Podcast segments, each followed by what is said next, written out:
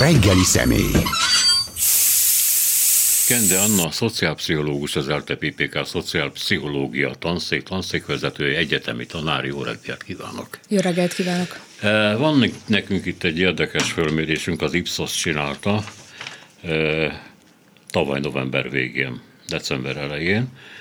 Több országban is csinálták, körülbelül 20 ezer embert kérdeztek meg, igen, a világ 28 országában már látom. Magyarországon 500 embert, ha jól értem, akkor azért, mert kicsik vagyunk kevesebb embert is meg lehet kérdezni. És hát arról, hogy mit gondolnak az emberek a, a válságról, a rendszerről, az erőskezű vezetőkről, és ehhez kidolgoztak egy ilyen úgynevezett hibás rendszer indexet, majd meg fogom kérdezni, mit gondol erről a módszerről. Ez öt állítás és erre gyűjtöttek válaszokat. Az állítások a következők, a gazdaság a gazdagok javát szolgálja, hagyományos pártokat nem érdeklik az emberek, erős vezetőre van szükség, erős vezetőnek vissza kell venni az országot a gazdagoktól, és a szakértők nem értik az emberek problémáit. Én elolvastam, és arra gondoltam, hogy nem, nem a szájukba adják tulajdonképpen a válaszokat ezzel. Tehát, hogy ez egy jó módszer. Ez egy nagyon régóta bevett módszer, hogy állításokat fogalmazunk meg, a, akár a társadalommal, a politikai helyzettel kapcsolatban, és azt nézzük, hogy az emberek mennyire értenek ezekkel egyet.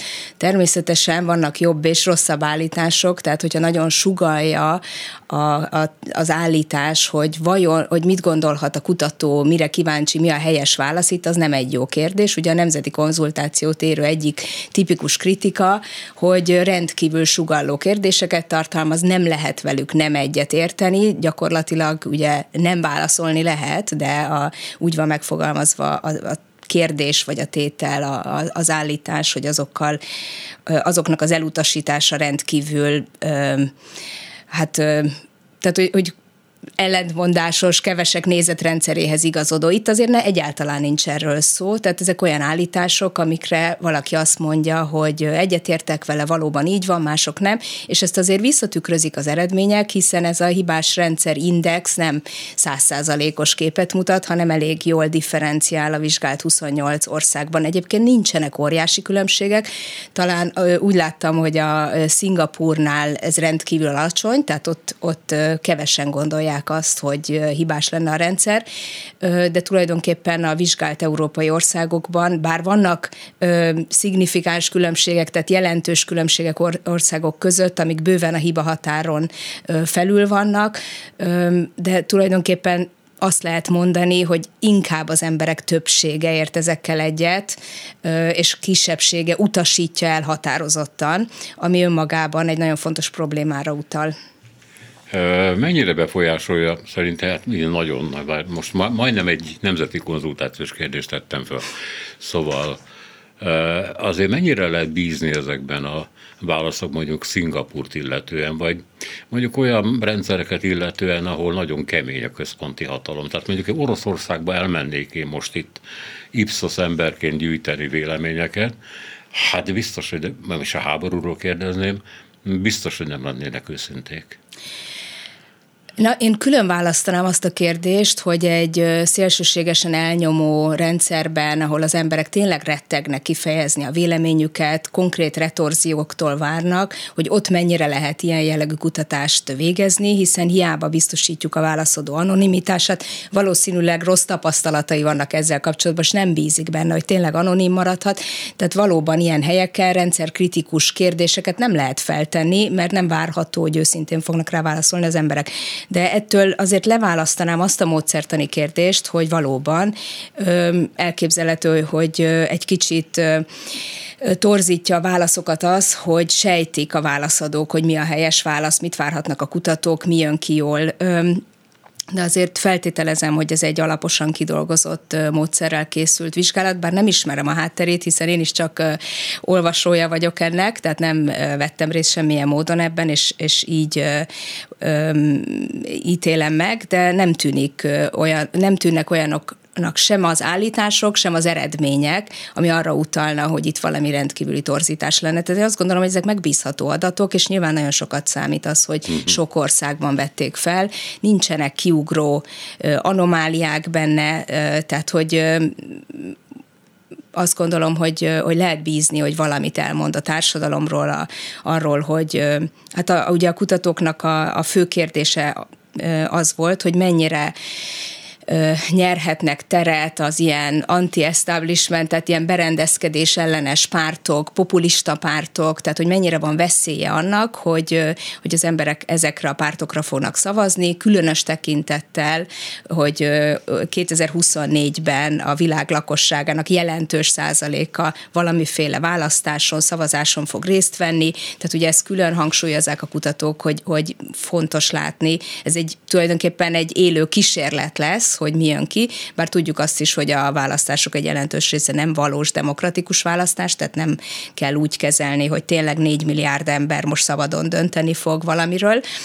Ezzel együtt hát nagyon fontos kérdés például Európában is, hogy az Európai Uniós választásnak a kimenetele várhatóan ezek a típusú pártok, jobboldali, populista, szélső jobboldali, anti-establishment pártoknak nagyobb lesz a, a támogatottsága, mint a korábbi választásokon, és ezek, ennek a hátterében nagyon fontos társadalmi-politikai folyamatok állnak, és én, mint pszichológus azt gondolom, hogy ez egyfajta pszichológiai reakciót vált ki az emberekből, ami miatt például ugye a kutatásban is kiemelt kérdés, hogy, hogy erős vezetőket választanak, vagy legalábbis olyan embereket, akikről azt gondolják, hogy egyfajta erős vezetőként ő majd megoldja a problémáikat. Hát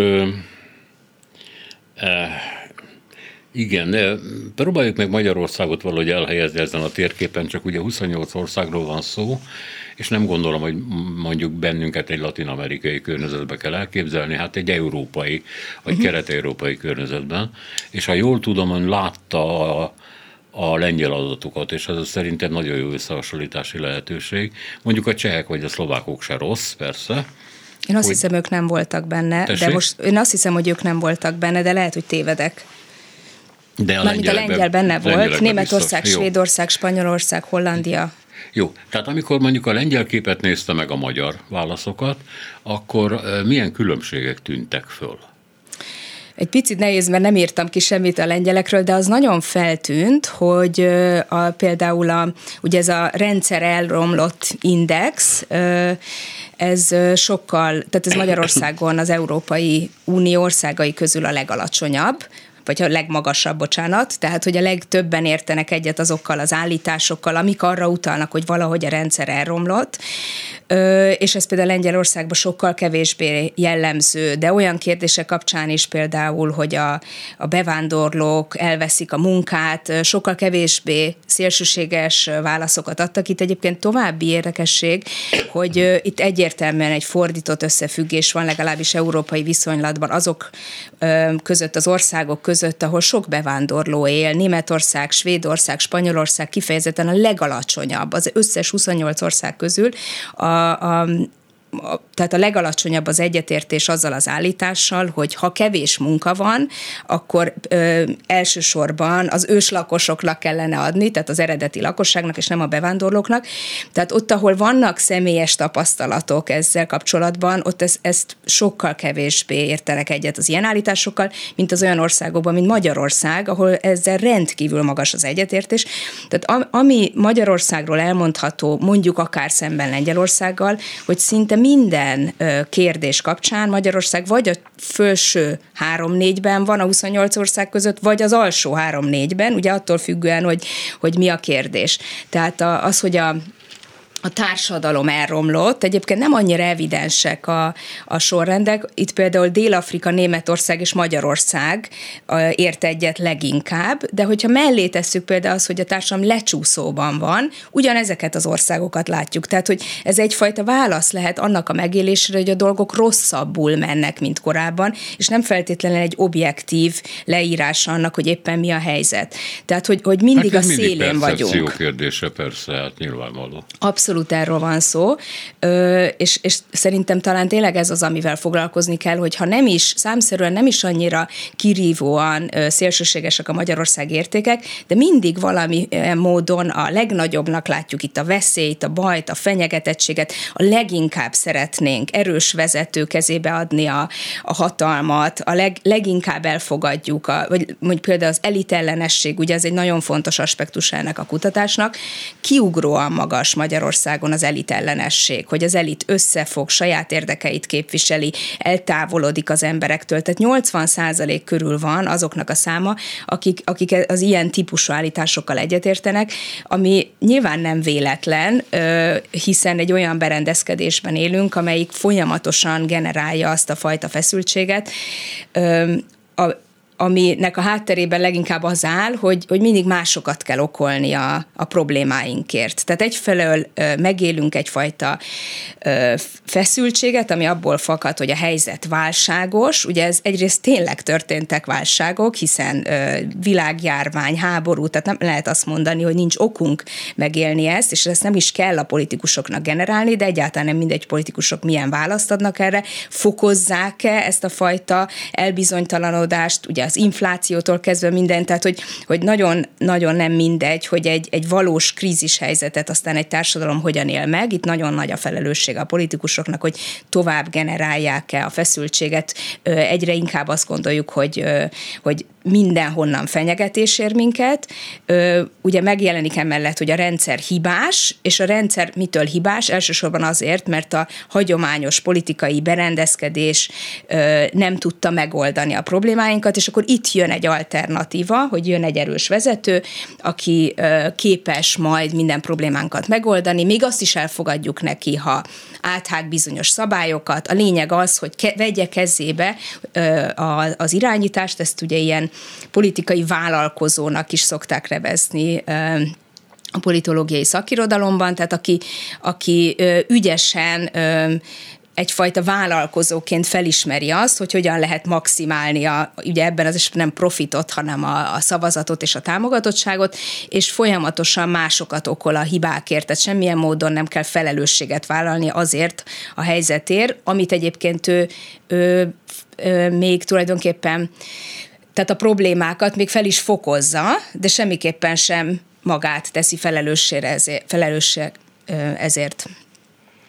Hát a manipuláció nyomait egyébként meg lehet találni mondjuk abban, amit említett is, hogy, hogy a bevándorlás. A magyarok 52%-a szerint az ország helyzetének javítását a bevándorlás realitása jelenteni, hát gondolom, hogy is jelenteni, de nincs bevándorlás.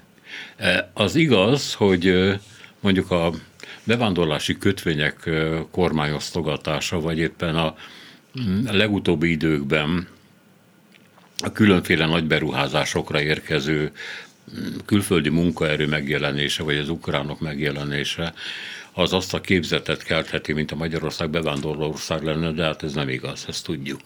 Ugye az ukránok jó része tovább megy. És mondjuk ilyen megfontolásokra joguk lenne a lengyeleknek, mert ők egy millió fölötti ukránt fogadtak be, de a románok is többet, a németek is sokkal többet. És mégis van egy olyan érzése a magyaroknak, hogy ők el, meg vannak szállva. De ezt ők nem, nem láthatják, ezt csak beléjük lehet ültetni. És hát ezek szerint ez sikerült. Igen, az, az, nem hiszem, hogy ez egy nagyon tehát egyrészt egy nagyon egyszerű kérdésről van szó, másrészt meg mégsem az. Ö, attól nagyon egyszerű, hogy valóban itt egy folyamatos kampány megy a bevándorlás ellen, tulajdonképpen, és különböző hullámai vannak a bevándorlásnak, a menekültek érkezésének, vagy esetleg az országon való átvándorlásának, és tulajdonképpen tényleg a tényektől teljesen függetlenül, hát ugye tudjuk, hogy plakátokon, tévéhirdetéseken, nemzeti konzultáción, ugye népszavazáson, tehát annyi féleképpen szólította meg a kormány az embereket, és hívta föl a figyelmüket arra, hogy itt egy valós fenyegetésnek vannak kitéve, mind kulturálisan, mind a megélhetésüket tekintet, tekintetében illetve hát akár a biztonságuk tekintetében is. Tehát, hogy van egy folyamatos hangulatkertés a kormány részéről. Azért azt is el kell mondani, hogy nincs olyan politikai erő ma Magyarországon, aki határozottan mondjuk a, kiállna a multikulturalizmus mellett, vagy próbálná a bevándorlásnak a, az előnyeit hangsúlyozni, hanem sajnos az ellenzéki oldalon is, bár talán keveset, kevesebbet halljuk, de azért tulajdonképpen ráerősít erre az idegen ellenes, bevándorlás ellenes retorikára még az ellenzék is, még ha annyival kevesebb teret is kap. Tehát amikor vendégmunkásokról be, bevándorlási kötvényekről beszélünk, nyilván kettő teljesen más megítélés alá kell essen, akkor sem jelenik meg egyfajta se egy pragmatikus elemzése a helyzetnek, se tulajdonképpen egy ilyen értékvezérelt hozzáállás, hogy mondjuk miért is kellene annyira megijednünk attól, hogy találkozunk emberekkel, akik más kultúrából érkeznek, más vallásúak, más nyelvet beszélnek, tehát hogy egyáltalán nem jelenik meg egy ellen narratíva, ami esetleg a multikulturalizmust mint értéket tudná bemutatni.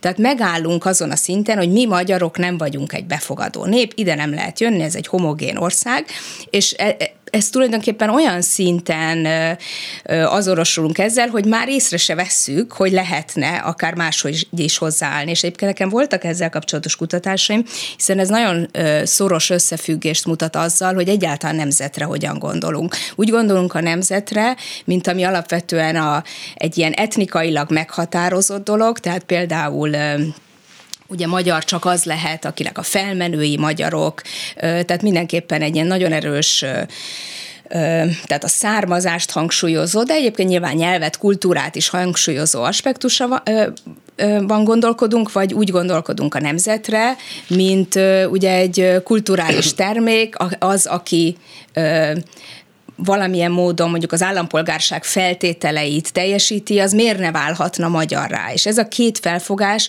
ugye minden társadalomban párhuzamosan él egymással, egy picit ebből, egy picit abból, de Magyarországon nagyon erőteljesen hangsúlyozzuk az etnikai oldalát a, az állampolgárságnak, és mi azt találtuk a kutatásainkban, egyébként kérdőíves és kísérleti módszerekkel is néztük, hogy, hogy kifejezetten ennek a folyamatos súlykolása, ez idegen ellenessé tesz. Tehát még minél többször hall hallom azt, hogy ilyen a magyar, annál kevésbé vagyok képes elvonatkoztatni ettől, és azt mondani, hogy hát tulajdonképpen ez egy új helyzet, a kultúra, mint olyan általában amúgy is változásokon megy keresztül, nem kell ettől feltétlenül megijedni. És egyébként visszatérve erre az Ipsosos kutatásra, tényleg egy picit erről is van szó, hiszen ők nézik a, ebben az indexben a, nem csak az erős vezetőhöz való viszonyulást, hanem ez egy általános beállítottság, ez a, a, amit tekintélyelvűségnek is szoktunk nevezni, amiben egy a tekintélyelvű vezetőt az többek között azért preferálják az emberek, vagy a, preferálja az emberek egy része, mert azt látják biztosítva benne, hogy ő majd megőrzi a mi kultúránkat, a szokásainkat, a, a ellenáll majd mindenféle változásnak, egyfajta vágy valamilyen aranykorba való, tehát hogy visszatérünk az aranykorba, amikor még mindig jó volt, tehát ilyesmiket várunk tőle. Teljesen irreális, mert nyilván az, nem ilyen az emberi társadalom, és nem ilyen az emberi kultúra, de azt gondolom, hogy nyugodtan lehet kritikusan állni ehhez a, a bevándorlás ellenes narratívához, másképp is, mint amit ma a magyar politikában, közéletben tapasztalunk. Hát annál inkább, mert ugye az osztrák-magyar monarchiában való létünk, ugye amikor elkezdődött ez, hogy fogy a magyar, és hogy ezt asszimilációval próbáltak megoldani, és ez a zsidó asszimiláció része volt ennek a történetnek, egy közös megegyezéssel egyébként, tehát ebben nem volt erőszak, mint a más nemzeti kisebbségekkel szemben. De például ugye a szlovákok mind a mai napig fölpanaszolják, hogy egy egész városra való szlovák tűnt el Magyarországot, nem tűnt el, hanem magyarosodott. És ha végignézzük a neveket vagy névváltoztatásokat az elmúlt száz évben, akkor teljesen világos, hogy ami magyar, az szlovák, meg szerb, meg zsidó, meg román, meg nem tudom micsoda, de ez más nemzetekkel is így van. Tehát azért furcsa, hogy egy ilyen etnicista szemlélet került elő a magyaroknál, miközben ez Európa egyik leg, legkevertebb népe. Ezt szokták mondani, és gondolom, hogy ez igaz is. A másik pedig, hogy, hogy ez az ország, még azt is igen szokták mondani, hogy saját magával határos Trianon miatt. Tehát egyszerűen érzékenyednek kellene lennünk a, a külső bennünket övező országokra, mert ott magyarok is vannak, azok nyilván, nyilván vegyes házasságokban is élnek, mint ahogy élnek, tehát, hogy egy sokkal érzékenyebb viszonyrendszerben kellene lennünk, és nem vagyunk abban. Nagyon furcsa. Igen, hát nyilván a, a történelem az egy nagyon fontos szerepet játszik ebben, és én egyáltalán nem azt állítom, hogy szűnjön meg a, a magyar kultúra, mint ilyen. Én azt gondolom, hogy megfér egymás mellett a, a magyar kultúra ápolása, akár ugye a határon túli magyaroknak a kulturális autonómiájának a támogatása, és egyfajta multikulturális szemlélet, amire egyébként tényleg szükség is van, hiszen a világ átalakul, és ugye ezt muszáj észrevennünk nekünk is, Európa társadalma is átalakul, tehát ezekről a kérdésekről beszélni kell, mind a nehézségekről, amit ez az átalakulás okoz, mind a, a pozitív hozadékairól. Tehát, hogy egyfajta tehát amit én javaslok tulajdonképpen, hogy egy lépés távolságból próbáljuk megérteni, hogy milyen világban élünk most, és abban mi a helyünk. És tulajdonképpen ez az, ami igazán hiányzik ebből a retorikából, aminek most már azért közel tíz éve ö, tanúi vagyunk, ami kifejezetten bevándorlás ellenes, és mintha nem lenne ö, igazi fogás rajta, hogy hogyan lehet ezzel szembe menni. Ö, viszont a, amire még ami még egy fontos tényező, és mi is végeztünk egyébként egy reprezentatív vizsgálatot 2023-ban, mi egy másik indexet keresünk, egy másik indexet tartunk föl, nem a, ők ugye a hibás rendszer indexet akarták felállítani, mi pedig a szolidaritási indexet keressük, de végső soron azért nagyon hasonló dolgokról van szó, hiszen amikor a, éppen azt vizsgálják ezek a kutatók, hogy mitől szavaznak az emberek ilyen populista pártokra, vagy akkor azért nagyon hasonló dolgokat találunk, mint ha azt kérdezzük, hogy mi kell ahhoz, hogy kiváltsuk a társadalmi szolidaritást. És nyilvánvaló még egy csomó mindennel párhuzamot találunk, akár az illiberalizmus, vagy a demokratikus értékek, stb., hogyha ezt vizsgálnánk. De mi tulajdonképpen egy picit átfogóbban ragadtuk meg ezt az index kérdést, és az egyik fontos tényező az a nemzeti identitásnak a sérülékenysége volt, és kifejezetten azt találtuk, hogy Magyarországon egy tehát általunk sérülékeny nemzeti identitásnak nevezett fogalom az, ami kifejezetten hátráltatja azt, hogy az emberek szolidaritást érezzenek elnyomott, hátrányos helyzetű csoportok iránt, és nem csak erről van szó, hanem éppen ez az identitás sérülékenysége tesz fogékonyá, például az ilyen tekintélyelvű gondolatok iránt, mint hogy legyen egy erős vezető, aki megvéd engem minden változástól. De mivel és a, sérült a magyar identitás? Igen, ezt, tehát, hogy igen, nem, abszolút jogos a kérdés, hogy mitől sérült. Nem is az, hogy sérült, hanem sérülékeny a nemzeti identitás. Tehát vannak emberek, akik, akikre kifejezetten jellemző, tulajdonképpen ö, ilyen, egy ilyen kicsit ellentmondásos nemzeti identitás. Ebben benne van, ezt kollektív narcizmusnak nevezzük, elnézést a szakifejezésért, azt a jelenséget, amikor valaki nagyon nagyra értékeli önmagát, tehát azt gondolja, hogy mi magyarok nagyszerűek vagyunk, kiválóak, különbek, viszont ezt valamiért nem akarja elismerni nekünk a világ, és hogy állandóan megerősítésre szorul. Tehát hiába vagyunk nagyszerűek, van bennünk egy iszonyatos sértettség, hogy nem ismerik el nekünk a nagyszerűségünket. Természetesen ez a magyarok egy részére igaz, de igaz ez a lengyelek egy részére is, meg a németek egy részére is. Tehát nem arról van szó, hogy ez valami magyar specialitás, hanem ennek az aránya úgy tűnik, hogy egyrészt viszonylag magas, másfelől ez egy tényleg egy közvetlen oka annak, hogy, hogy miért óckodunk attól, hogy esetleg másokra, mások felé nyitottak legyünk, segíteni akarjuk, együtt érezzük a problémáinkat. De nem csak ez a sérülékeny és felfújt nemzeti identitás jelenik ebben meg, hanem mindenképpen benne van egy ilyen áldozatiság is. Tehát az, amit ugye a himnusz is mond, balsors, akit régen tép, tehát ezen nagyon erősen azonosulnak egyesek, hogy mi tulajdonképpen megtépázott minket a történelem. Mi mindig, most is Európa lenéz minket, tehát ez akár a jelenünkre is vonatkozik, a múltunkra is vonatkozik, és ez azért kifejezett probléma, azért foglalkozunk mi ezzel is, mert az, azt azért az egy nagyon ismert tény, hogy minél inkább valaki áldozatnak látja magát, és minél inkább azt gondolja, hogy én, álta, az én áldozatiságom különleges, más, nagyobb, mint másoké, ilyen más nemzettel nem történt, mint velünk, annál, annál inkább bezárkózom, annál kevésbé leszek nyitott mások felé. Tehát, hogy a, ezek összefüggnek egymással, tehát amit ők is mérnek, és amiben azt látjuk, hogy Magyarország mindig egy picit a szélén van, tehát nagyon, nagyon szeretne erős vezetőt, nagyon elitellenes, nagyon bevándorlás ellenes, nagyon kritikus a a rendszerrel akár, ezek mind összefüggnek azzal, hogy ha valaki erősen azt gondolja, hogy, hogy nekünk különlegesen rossz, akkor akkor ez rendben van. Nekem jogomban áll így gondolkodni a világról. Nekem nem kell másokat megsegíteni. Szerintem egyébként most lehet, hogy picit nem tűnik közvetlen ezzel kapcsolatosnak, de nekem egy picit összefügg az is, hogy, hogy a, ugye mindenféle olyan dolgokat is kérdeztek ebben az Ipsos kutatásban, hogy kölcsöne az állam több pénzt egészségügyre, oktatásra, akár egyébként a szegénység felszámolásra, és ez mind-mind ezzel egyetértek, de ez nekem ne kerüljön semmibe. Hm.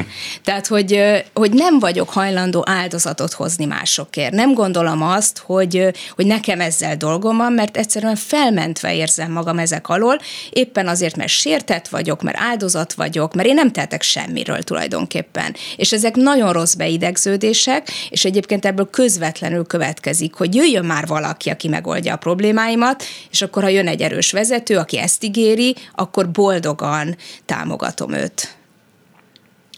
Hát lehet egy kicsit távoli a példa, de Ugye eszembe jutott közben, hogy átéltem valamit, mert ennek, ez, ez, hogy mondjam, ennek megvan a maga komikuma is, ennek a sértett nemzeti önérzetnek, Egyiptomban hajnalba szállnak le a budapesti gépek, és egy régésztársasággal, meg diplomatákkal kocsin elindultunk lefelé a Nílus mentén.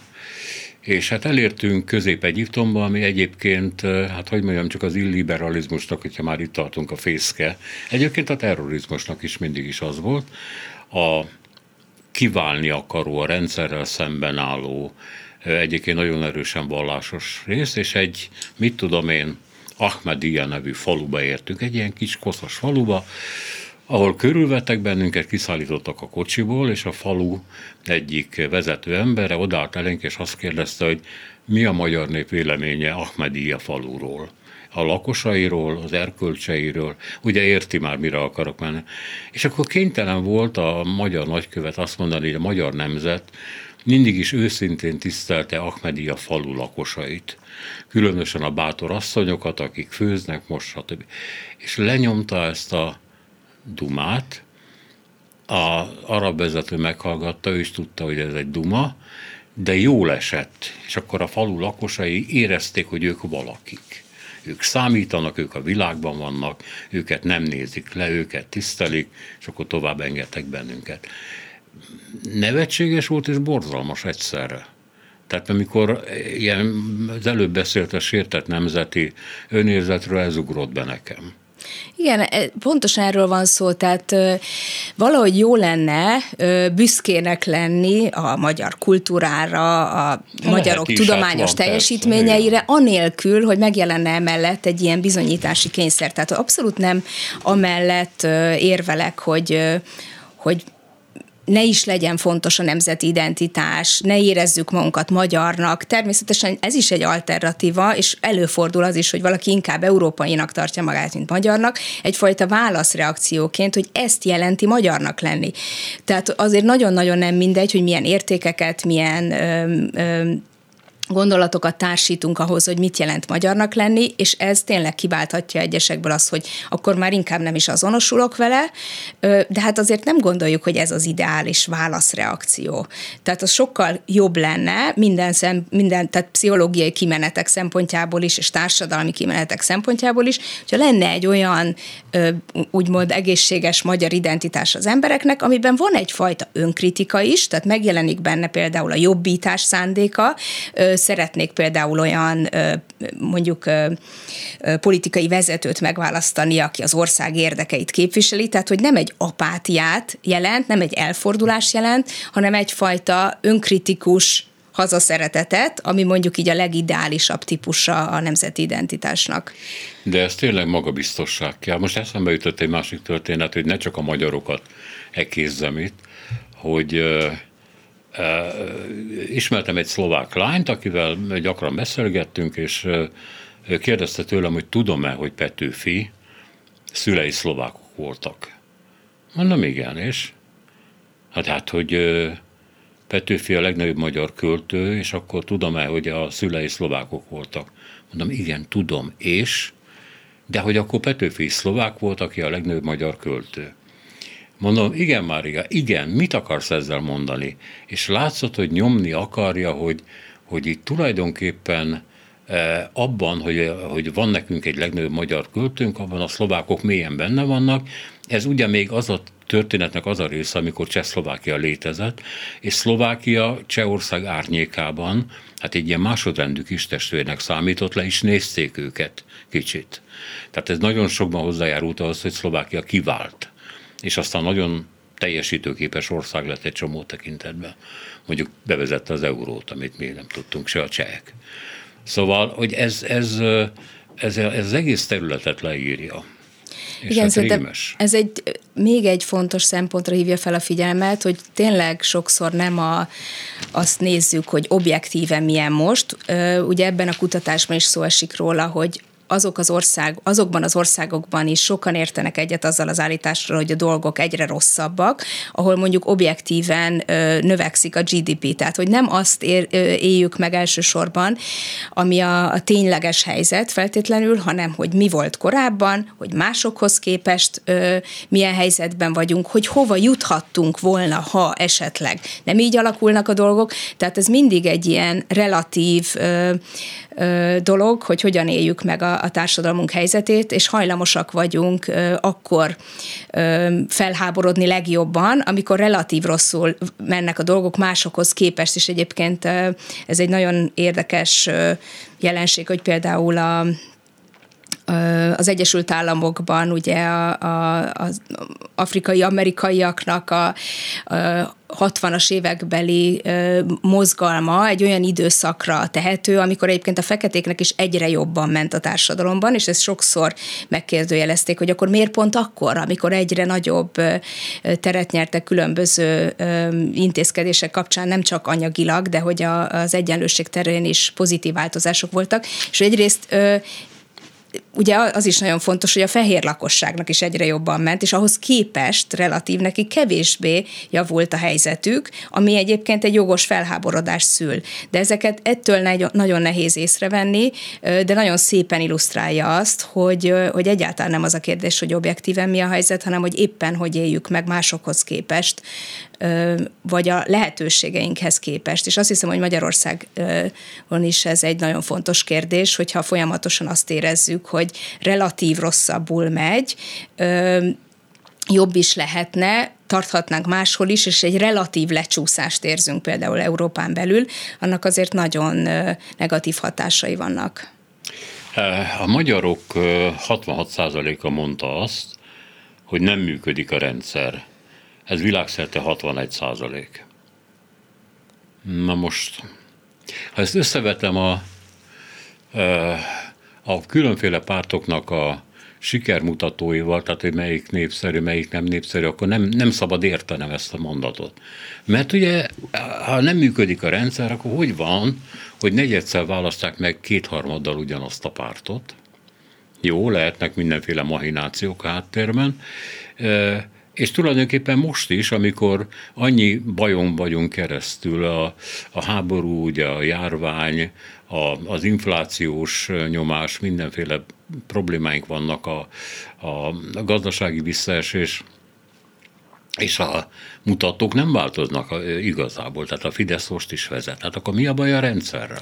Igen, szerintem erre több magyarázat van. Az egyik az, hogy megfér egymás mellett egy ilyen rendszerkritikus nézet, és az, hogy még mindig jobb ami most van, mint ami az alternatívája lehetne. Tehát szavazhatok én attól még a, a kormányon lévő pártok, pártra, mert egyébként azt gondolom, hogy vannak problémák, mert ezt, ezt tartom még mindig a jobb választásnak. Ugye az is nagyon fontos, hogy, hogy megfér egymás mellett sokszor az embereknek ellentmondásos nézetrendszere. Tehát például a korrupciót azt általában mindenki elítéli, azt is tudjuk, hogy a, a Fidesz szavazók egy része, egy jelentős része azt gondolja, hogy a kormányban jelen van a korrupció, de ennek ellenére rájuk szavaz. Tehát, hogy, hogy sokszor elő a cél szentesíti az eszközt, tehát még azt gondolom, hogy még mindig jobb, ha az ő kezükben van, így, így lehet rendbe tenni a dolgokat, és azért, amit korábban már beszéltünk, hogy az is nagyon fontos, hogy másokat okolnak a problémákért, tehát ki lehet magyarázni ezt. Nem működik a rendszer jól, de azért, mert valaki fenyegeti ezt kívülről, mint például a bevándorlás, vagy az elit mint olyan, amelyiket valamiért nem azonosítják a, a kormányjal feltétlenül. Tehát, hogy, hogy ha másokat okolunk a, a problémákért, és nem azokat, akik a hatalmon vannak, akkor ez igaziból nem sérti a hatalmon levők támogatottságát. De van még egy magyarázat, ezt egyébként rendszerigazolásnak szoktuk hívni, vagy ennek ez a neve, a rendszerigazolás pedig hát egy nagyon paradox jelenség, mert egyrészt ugye azok a rendszerigazolók, vagyis akik azt mondják, hogy a dolgok jól mennek, akik ebből profitálnak. Tehát közismerten mindig a magas státuszúak, a jó helyzetbe levők, azok általában nagyon erősen rendszerigazolók, hiszen ők megérdemelten vannak ilyen jó helyzetben. De van egy nagyon paradox jelenség is, mégpedig az, hogy a, éppen a, a legszegényebbek, a leginkább marginalizált csoportok tagjai szintén erősen rendszerigazolók, aminek az a pszichológiai magyarázata, hogy hát nem lehet állandóan berzenkedni az embernek a saját sorsa ellen, és, és tulajdonképpen a, a, azt mondják, hogy a dolgok igazságosan és jól működnek, mindenki azt érde, kapja, amit a, az életben megérdemel,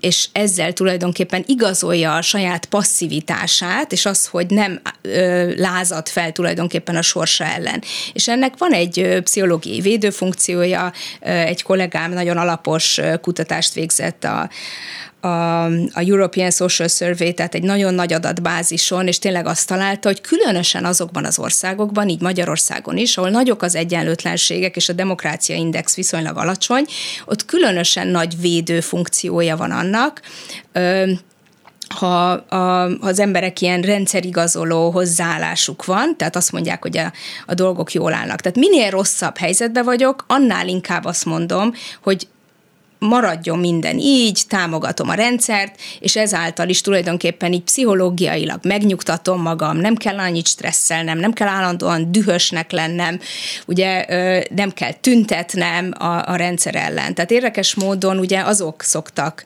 leginkább felszólalni a rendszer ellen, akik viszonylag tehát nem különösebb vesztesei a rendszernek, hanem egy-egy intézkedés kapcsán élik meg akár az őket érő hátrányt, de összességében jobb státuszúak, és nem azok, akik a leginkább felszólalhatnának ellene. Igen, közben az jutott eszembe persze, hogy, hogy néha nehéz különbséget tenni. Mert lehet mondani azt, hogy hogy a magyarok azok miatt, az okok miatt is, amiket az előbb felsorolt, vágynak egy erős kezű vezetőre, hogy magukat fölmentsék a cselekvés alól, mert cselekedjen a vezető, rá van bízva, megválasztottuk, intézze el, hogy nekünk normális életünk legyen. Nekünk sok hozzátenni valónk nincsen. Csak hogy mi egy olyan társadalomban élünk, Ja, igen, és ez a dolog nagyon fontos, és ez az erős kezű vezető, ez vegye el a gazdagoktól a, az országot, meg a hatalmasoktól, és akkor nekünk is juttasson valamit. Mindig erről szól a dolog. Csak hogy mi egy olyan rendszerben élünk, ami egyre inkább egy ilyen feudális, egy, egy új, újra feudalizált Magyarország, ahol a, az egyházi meg a világi elit nagyon élesen elkülönül, és sokkal-sokkal gazdagabb, mint akár a társadalom középső része, már ha van közepe egyáltalán, és nagyon nagyok a vagyoni különbségek a szegények és a gazdagok között, ami hát jobb sorsú európai országban nem szokott így lenni. Magyarán, ha én azt gondolom, hogy ezek a gazdagok, ezek először is tolvajok. másodszor korruptak, harmadszor politikai jótéteményekért kapták ajándékba az én adómat például. Miért ne akarnám, hogy ezt elvegyék tőlük, és miért ne akarnám, hogy visszaállítódjon egy normális helyzet, ahol, hát ha nem azt mondom, hogy meritokratikus alapon, de azért mégiscsak hát legyen köze a teljesítményhez annak, amiben élünk. De ez nem föltétlenül populizmus részemről. Nem pontosan értem a kérdést, de én azt hiszem, hogy tényleg megférnek ezek a nézetrendszerek egymás mellett. Tehát gondolkozhat Tehát nem valaki így. vagyok populista, amikor azt mondom, hogy jöjjön egy erőskező vezető, és vegye el tőlük a, a hatalmukat, meg a pénzt, mert az az enyém.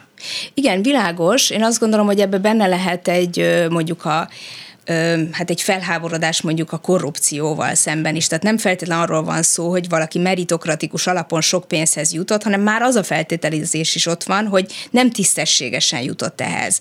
Akár a politikai berendezkedés kedvezett neki, akár... Naponta látom. Világos, csak azt, azt mondom, hogy, hogy ebben az elitellenességben alapvetően nem egy általános elitellenesség van, hanem a tisztességtelen vagyonhoz jutás, hatalomhoz jutással szembeni hozzáállás.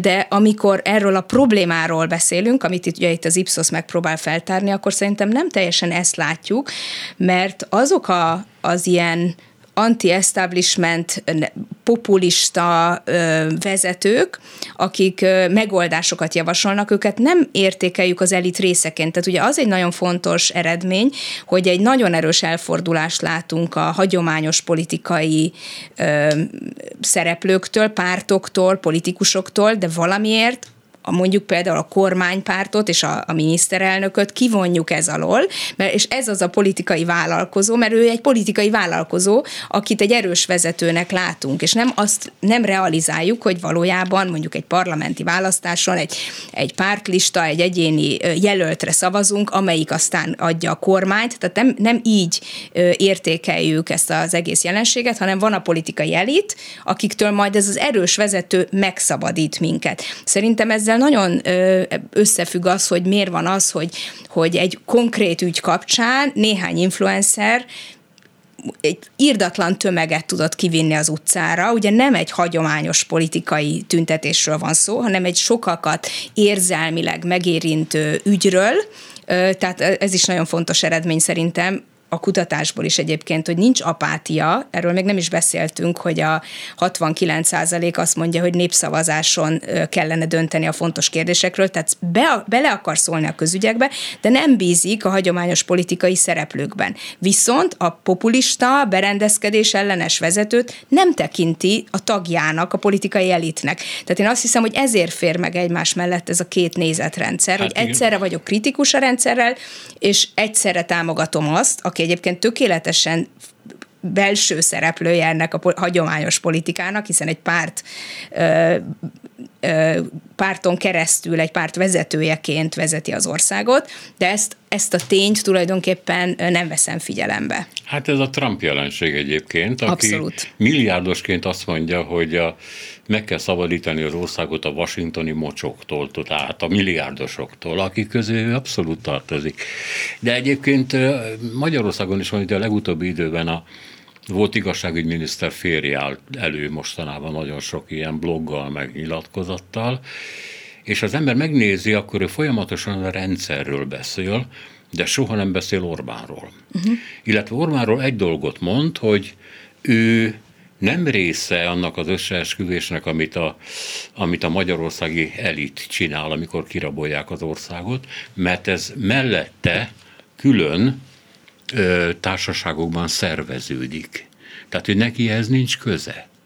Ezt így konkrétan le, ö, kinyilatkozta, és mondta, amikor az előbb beszélt erről, akkor eszembe jutott, hogy ó, Péterke, hát ezt, ezt te folyamatosan naponta nyomod nekünk.